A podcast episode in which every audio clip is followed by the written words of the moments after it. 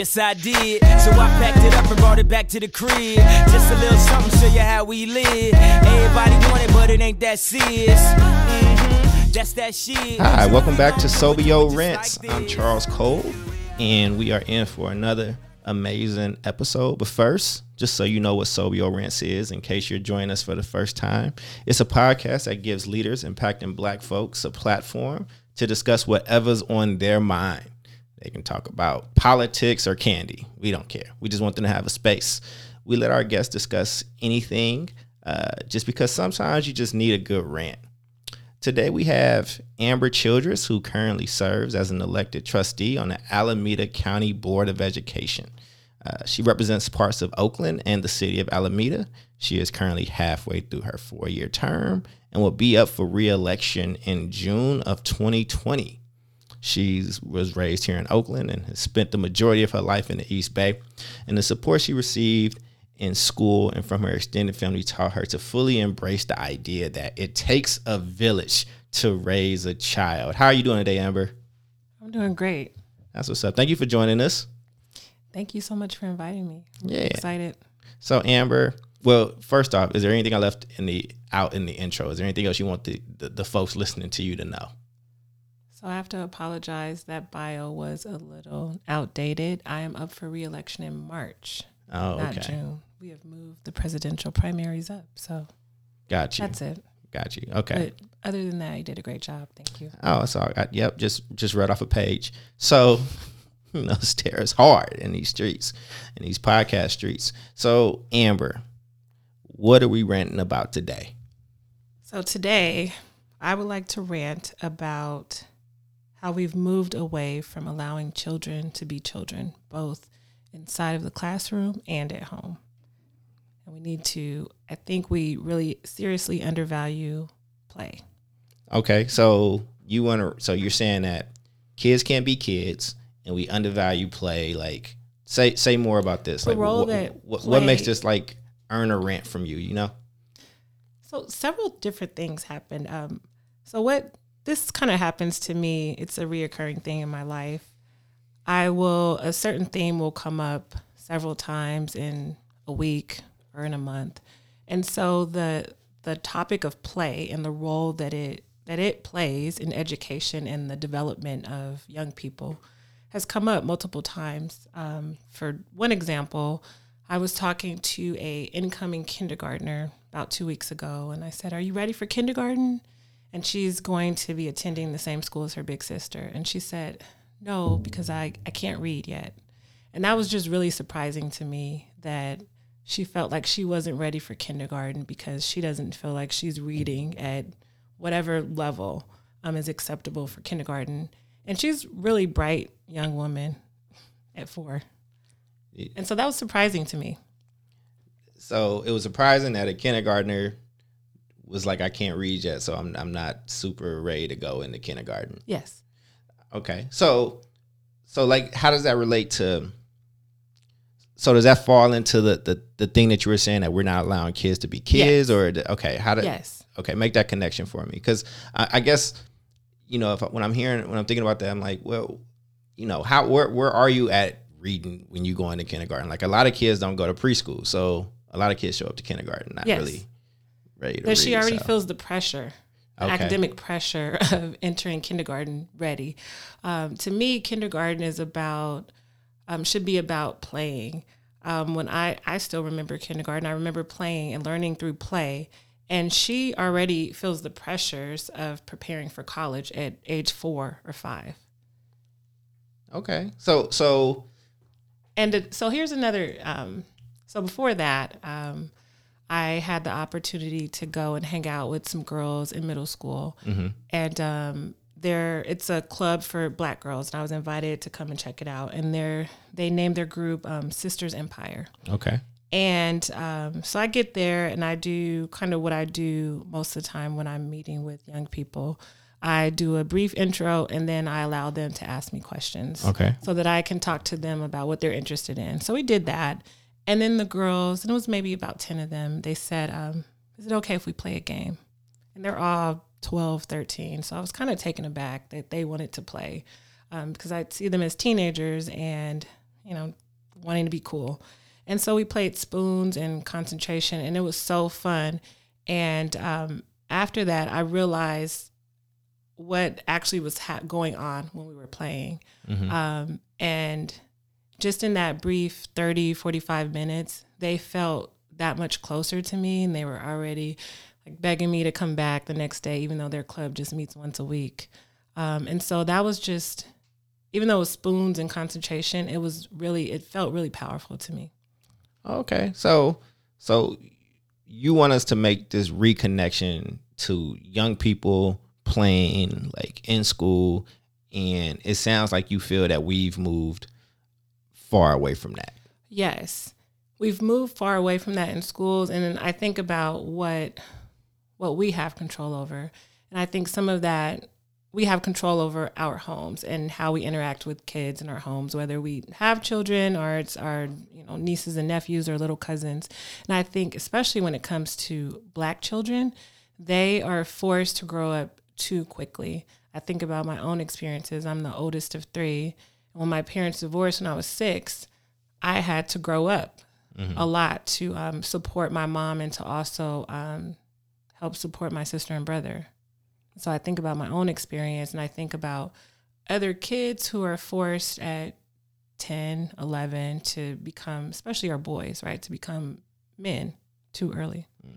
No, I think that that's something that I mean that that I feel like I'm right there with you on, right? Like I mean, just you know, it's a it's a line in the Eminem song uh, from a long time ago. But he was he said I was born grown and grew down, and I just remembered that a lot when I was growing up because you know you know a lot about how I grew up or whatever, but I had a lot of responsibility when I was young. I never went to school with the intention of like, oh, I want to go to school so I can like play or like do these type of things. I, I look forward to seeing my friends and I guess playing basketball in the morning or at lunchtime or whatnot.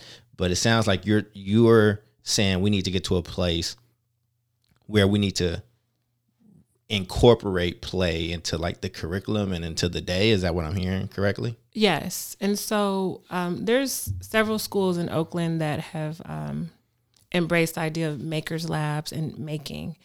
And I know initially for me, it was kind of hard to just wrap my brain around that. Um, the concept of making things, whether you're in math or science or an English class, and really making that connection. And I think it makes it makes learning a lot more fun. And I think it actually helps the kids to to actually understand the lesson and and the point of what they're learning. Got you. I think that makes sense. I, I think that so as, as I'm listening to you, right, and like you got principals and teachers from in the Bay Area and outside the Bay Area. You want what like the things that you want them to take away from this talk is one, kids are feeling a lot more pressure than what they've probably felt before. We're kind of robbing young people of their childhood and there you feel that there's some like academic value in just allowing a kid to be a kid. Like like is that the Yes, definitely. Um, back in October, um, I got to hear from Kenneth Wesson. Mhm. Make sure I'm saying his name right. Kenneth Wesson. He's actually from East Oakland, so he gets extra props for that. And he's a neuroscientist. And um, I heard him speak. He was one of the keynotes at the annual California Black Educators um, Conference. And he talked about how children learn and how that, that learning differs from um, different age ranges and how we've just we've gotten away from properly educating students and young adults. Um, you know the brain is not fully formed until your 20s and we've moved so far away from that. And um, i mean his talk was really eye-opening and it he talked a lot about play and how that actually helps kids to remember and retain information. Okay. No, I think I think that's interesting. I so so I know that you're a mother and you probably think about your own child and and and, and, and his progression and, and you know just his time in school or whatnot like is there a connection just just tell me more about that tell me more about um you just raising a kid like in the Bay Area and where this issue of like play kind of whether whether it showed up or if it didn't. Like how how does it how has this like affected you personally? Mm-hmm. That's a good question. So I've always been big on play and also just staying young and, and embracing childhood. Um, my son will, I'm really excited. He'll be attending college in the fall in Southern California. And congratulations. Thank you. And um, to this day, we still make time to play, um, even when he's too cool for it. Um, but I remember as soon as he could walk on his own, I had him at the Exploratorium, at places like that, um, different museums that are hands on where he could actually play and learn through doing things. Um, always taking him to the park or the beach or somewhere where he could actually interact and and play. And I think that's helped a lot with his academic success and with his maturity.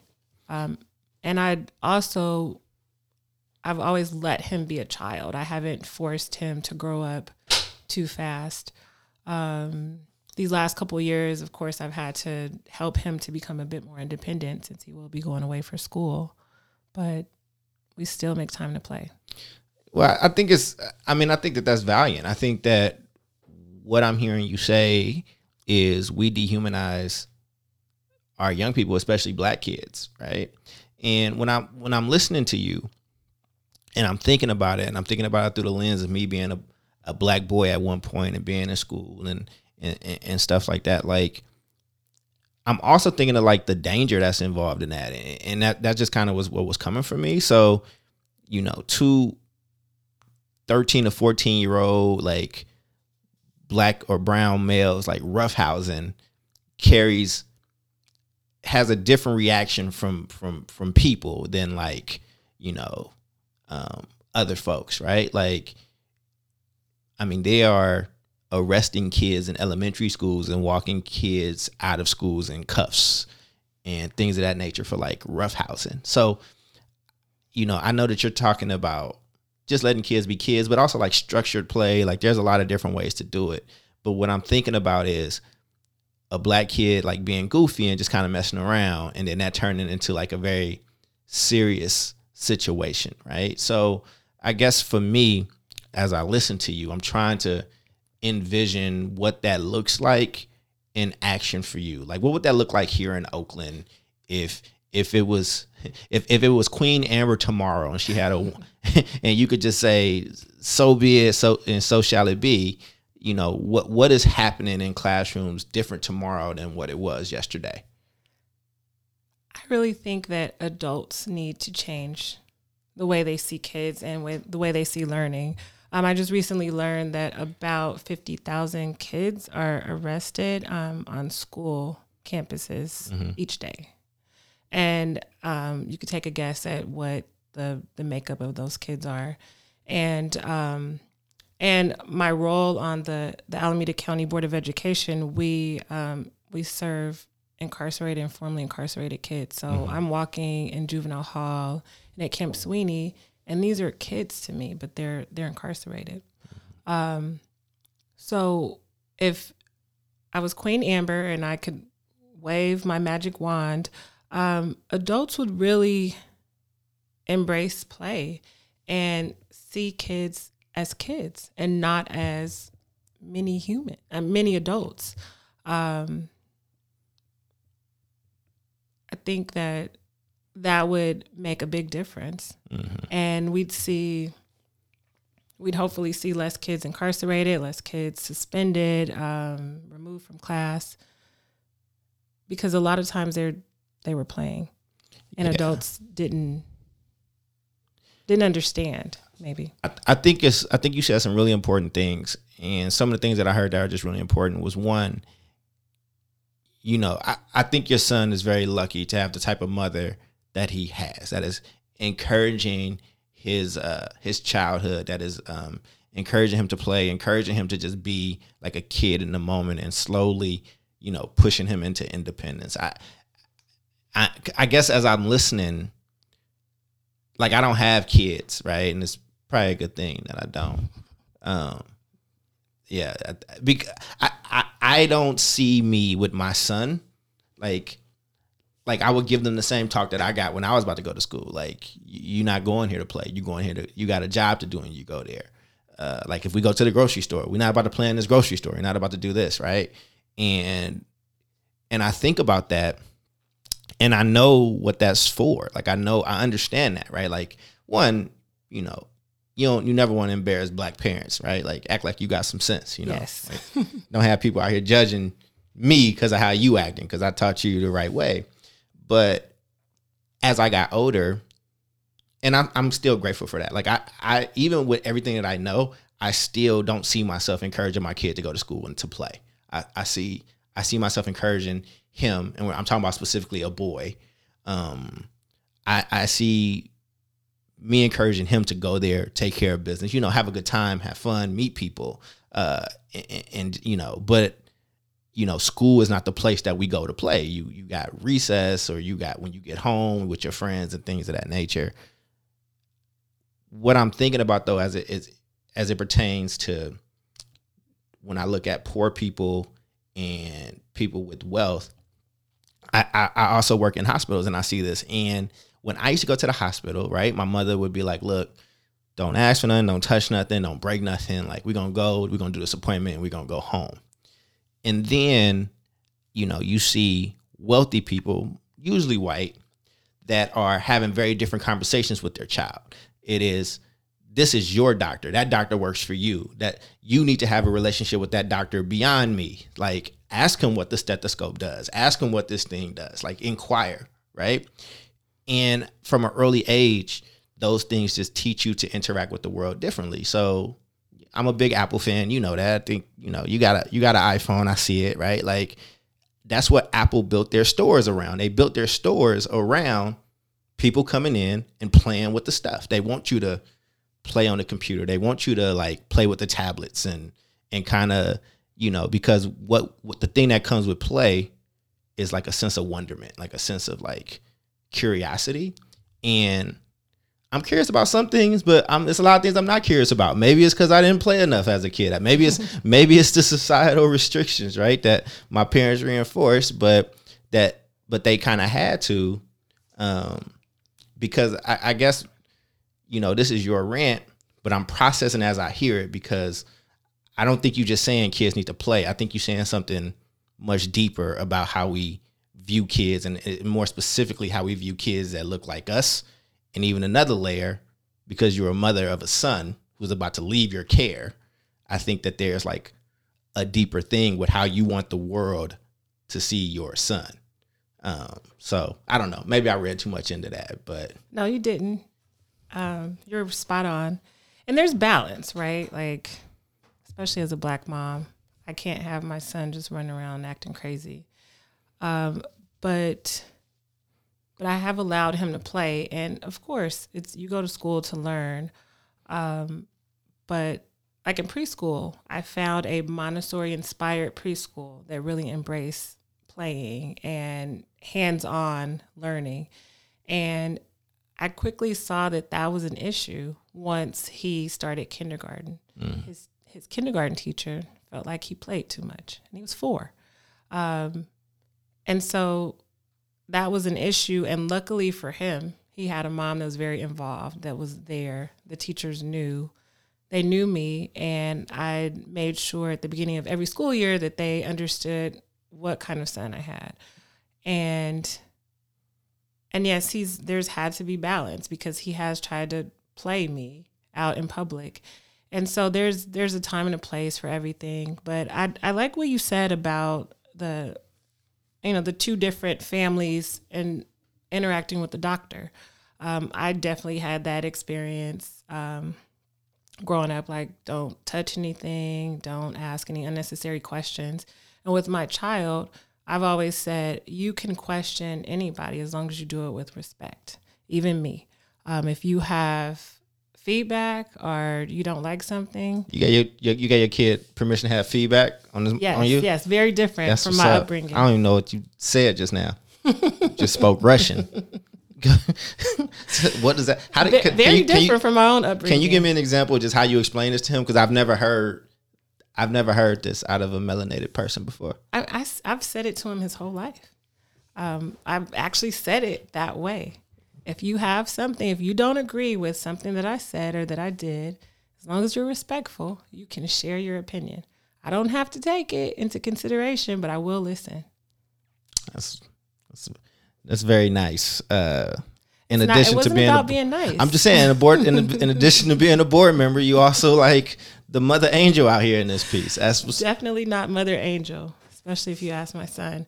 But I did that because I I want him to have a voice out in the world, and I believe that he has that. And he's not if he can stand up to stand up to me and share his opinion, um, then he can do that with anybody. And so for me, I saw it as a way of empowering him. Okay.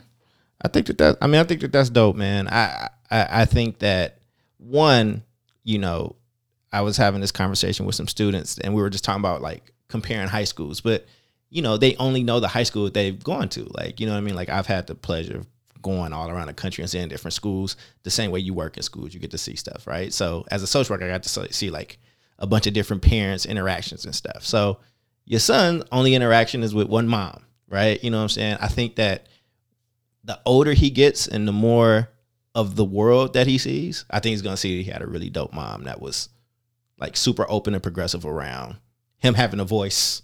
I, I just I don't listen. I He love sees it already with our other family members that don't agree with how I'm raising him. So he sees, it, especially with the older folks, because they they're not hand, they're not having that. So he he's also had to learn how to to navigate around that because he has those those older black aunties and grandmas that are not having that. So that's what's up, man. I, I think that I commend you. I, I think this has been fun. Um, is there anything more you want to say about on this particular rant around, you know, school, you know, kids being needing to be able to play more and letting kids be kids?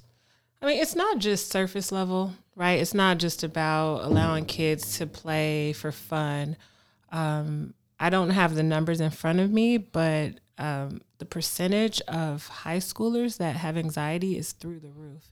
And it doesn't matter if they're black and in a lower income neighborhood or they're Asian um, in a um, wealthy neighborhood, the anxiety is through the roof. And I think part of that is that kids are there's so much pressure, and they we expect them to to become these mini adults too early, and we're forgetting that even at 17 and 18 play and having fun is still really important and it plays a role in how they learn um, and it's just i think it's necessary and that's why we have so many kids that are unhappy that are harming themselves and um, have poor mental health because we've moved away from this concept of play and having that be a part of their lives um, both in the classroom and at home But why do you think that is though, right? Like like do you think because you know, I I got a bunch of young people that we work with and, stu- and, and, student mental health is like one of our biggest things that we talk about and it's something that we got to like deal with, right? But do you do you really think that it's more difficult for young people today than it has been for young people before? Yes. And I think it's access to information. Like when we were growing up, our parents received our report card what four times a year.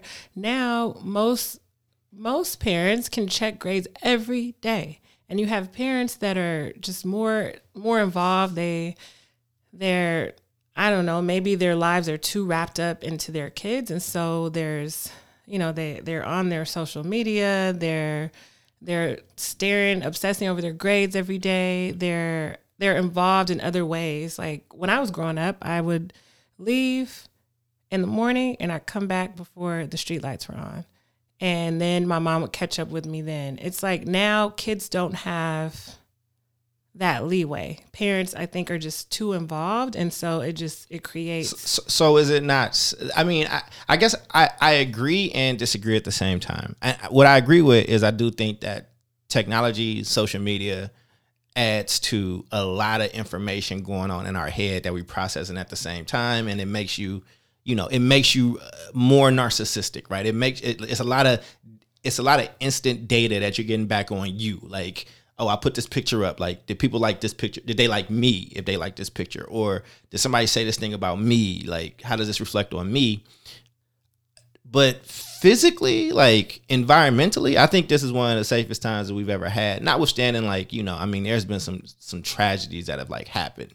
Um, especially for like black folks, right? Like I'm not I'm not talking about, you know, the things that we need to get out in the streets and march for, but I mean, I grew up in an era of like I grew up in a crack epidemic, yo. Like like I grew up around like I grew up around crackheads. Like it wasn't it's a like you from East Oakland, like you you you you saw way more in your journey to school than like your son probably grew up mm-hmm. seeing, right? Like like I got a nephew and he's like well into high school and he gets driven everywhere or like he has a, access to point. like parents are just too involved right? Like kids don't get a chance to kind of be themselves and they have their parents next to them. Yeah like i was taking a bus when i was 12 years old. Like i was all over like different cities. Like you know what i'm saying? I got on that 72 or i got on bart like and i just had to get to where i had to get to. I think yeah. kids are a lot more sheltered yes. uh today but and i think that, that adds to the anxiety. harder I think it adds maybe it adds to it anxiety. adds to the anxiety. So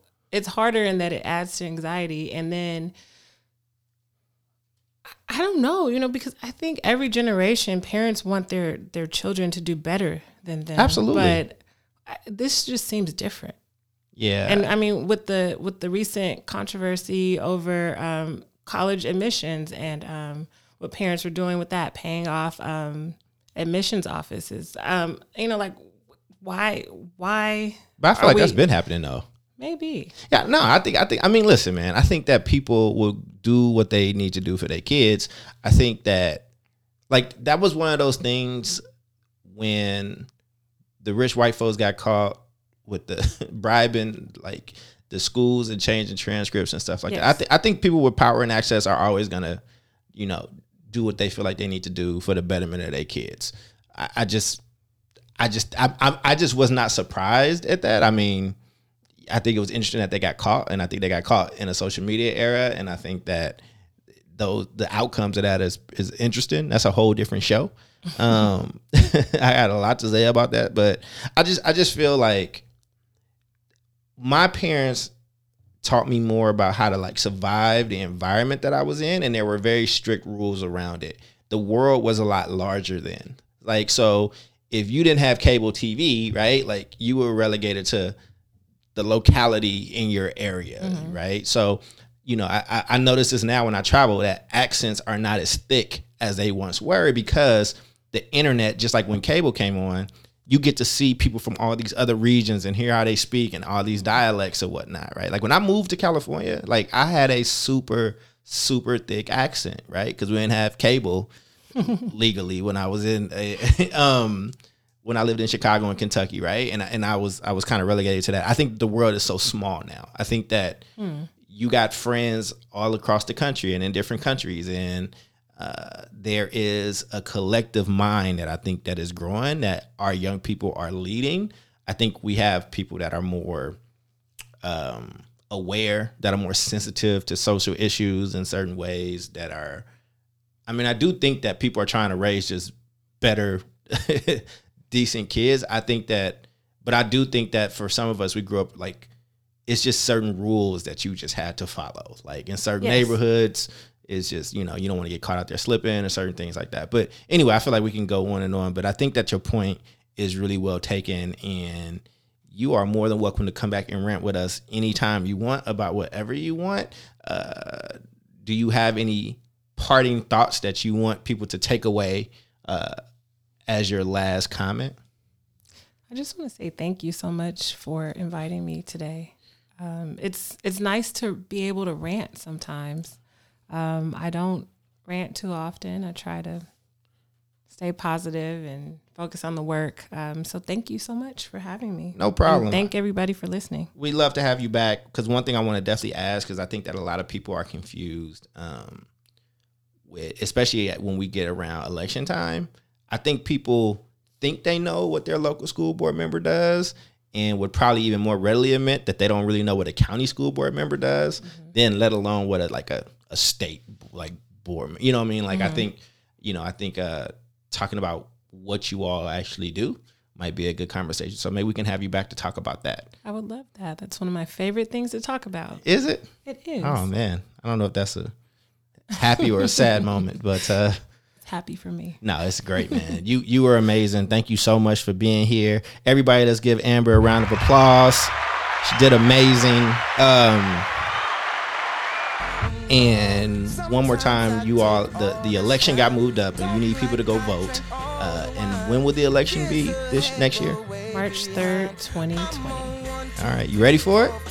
Yes. Gearing up. Okay, cool. We'll we'll have you back on before uh, when when that season starts to heat up. People, you have been listening to the State of Black Education Oakland SOBEO rants. Uh, if you are somebody that works in education or works with our with, with, with our black community or or you just black and you just doing some dope work you ain't really just gotta be black but that's what we focusing on that's what we starting on and you just got some stuff that you want to get off your chest and you just want to rant about that you want the people in oakland and beyond to know give us a holler give us a call um, respond to the to the podcast. We hope that you can continue to listen. We hope that you share we hope that you comment. And uh, we don't get to do this without you all. So give yourselves a big round of applause. You have been listening to SOBEO peace. Of everything that I know. Yeah, and nothing hurts anymore. I feel kind of free. We're still the kids we used to be. Yeah, yeah. I put my hand on a stove to see if I still bleed. Yeah, and nothing hurts anymore. I feel kind of free. We're still the kids we used to be.